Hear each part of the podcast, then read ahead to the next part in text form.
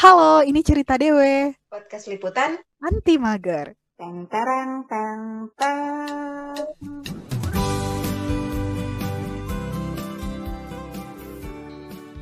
Gimana kabarnya teman-teman semua? Di hari kelima Ramadan masih kuat, masih semangat atau udah mulai redup nih? Waduh.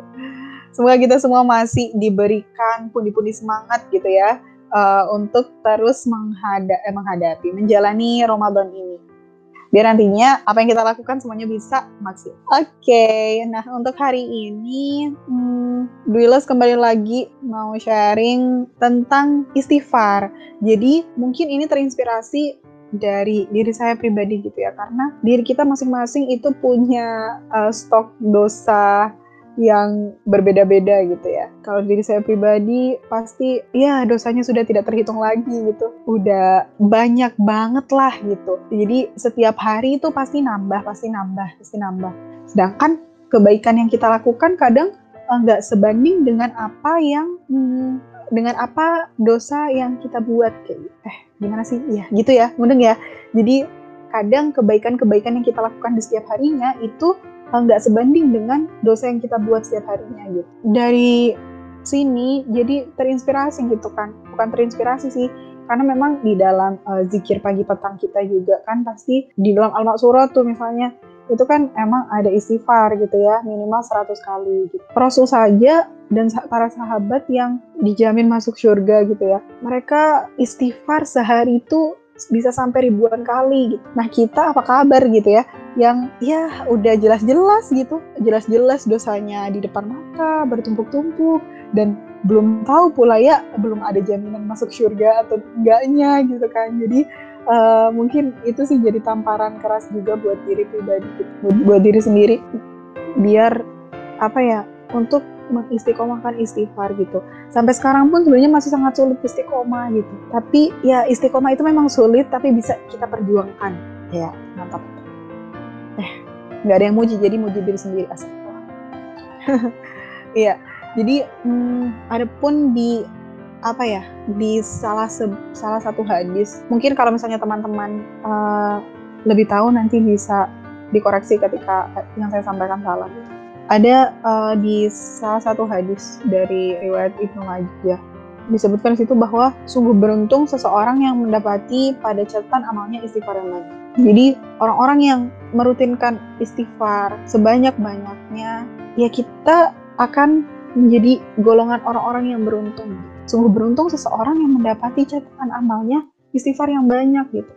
Ya, Masya Allah, di luar dari keberuntungan yang akan Allah berikan kepada orang-orang yang beristighfar mungkin lebih ke sini aja sih ketika kita beristighfar kan ada tuh kadang kita istighfar tuh kayak yang cuman astagfirullahaladzim cuman sekedar diucapan gitu. Tapi eh, nggak uh, dari hati. Nah itu biasanya ya udah kayak kayak cuman lewat aja gitu nggak kerasa.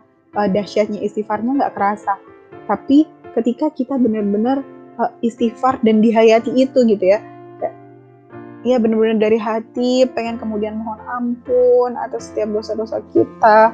Terus uh, kita ya emang benar-benar bersungguh-sungguh gitu ya beristighfar itu akan jauh lebih damai gitu akan jauh lebih boom banget gitulah rasanya kayak aduh berasa tuh kayak lebih lebih tenang lebih lebih happy aja gitu ketika maksudnya kita selesai mohon ampun ke Allah.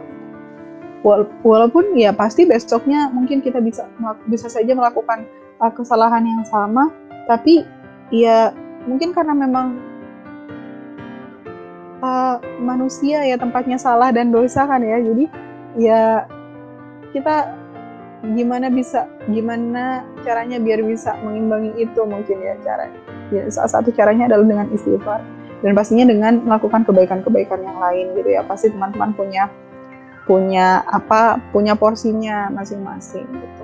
Karena uh, kalau dari saya pribadi dari aku pribadi hmm, ber apa ya sangat mensupport orang-orang yang ya melakukan kebaikan pada bidangnya gitu bukan pada bidangnya sih maksudnya kan tidak semua orang kemudian bisa melakukan uh, seluruh amalan yaumi atau seluruh ibadah itu dengan dengan baik, dengan istiqomah kayak gitu. Ada orang-orang yang kemudian uh, apa orang-orang yang kemudian dia menjadi pegangannya adalah sholat duhanya. Ada orang-orang yang kemudian uh, ya kebaikan yang bisa dia istiqomahkan adalah istighfarnya. Ada pula uh, dengan bacaan Qur'annya kayak gitu. Jadi semua orang pasti punya punya apa sih punya amalan amalan terbaiknya masing-masing gitu. Amalan ter, amalan terbaik versi dirinya masing-masing seperti itu. Dan ya itu semua it's okay gitu.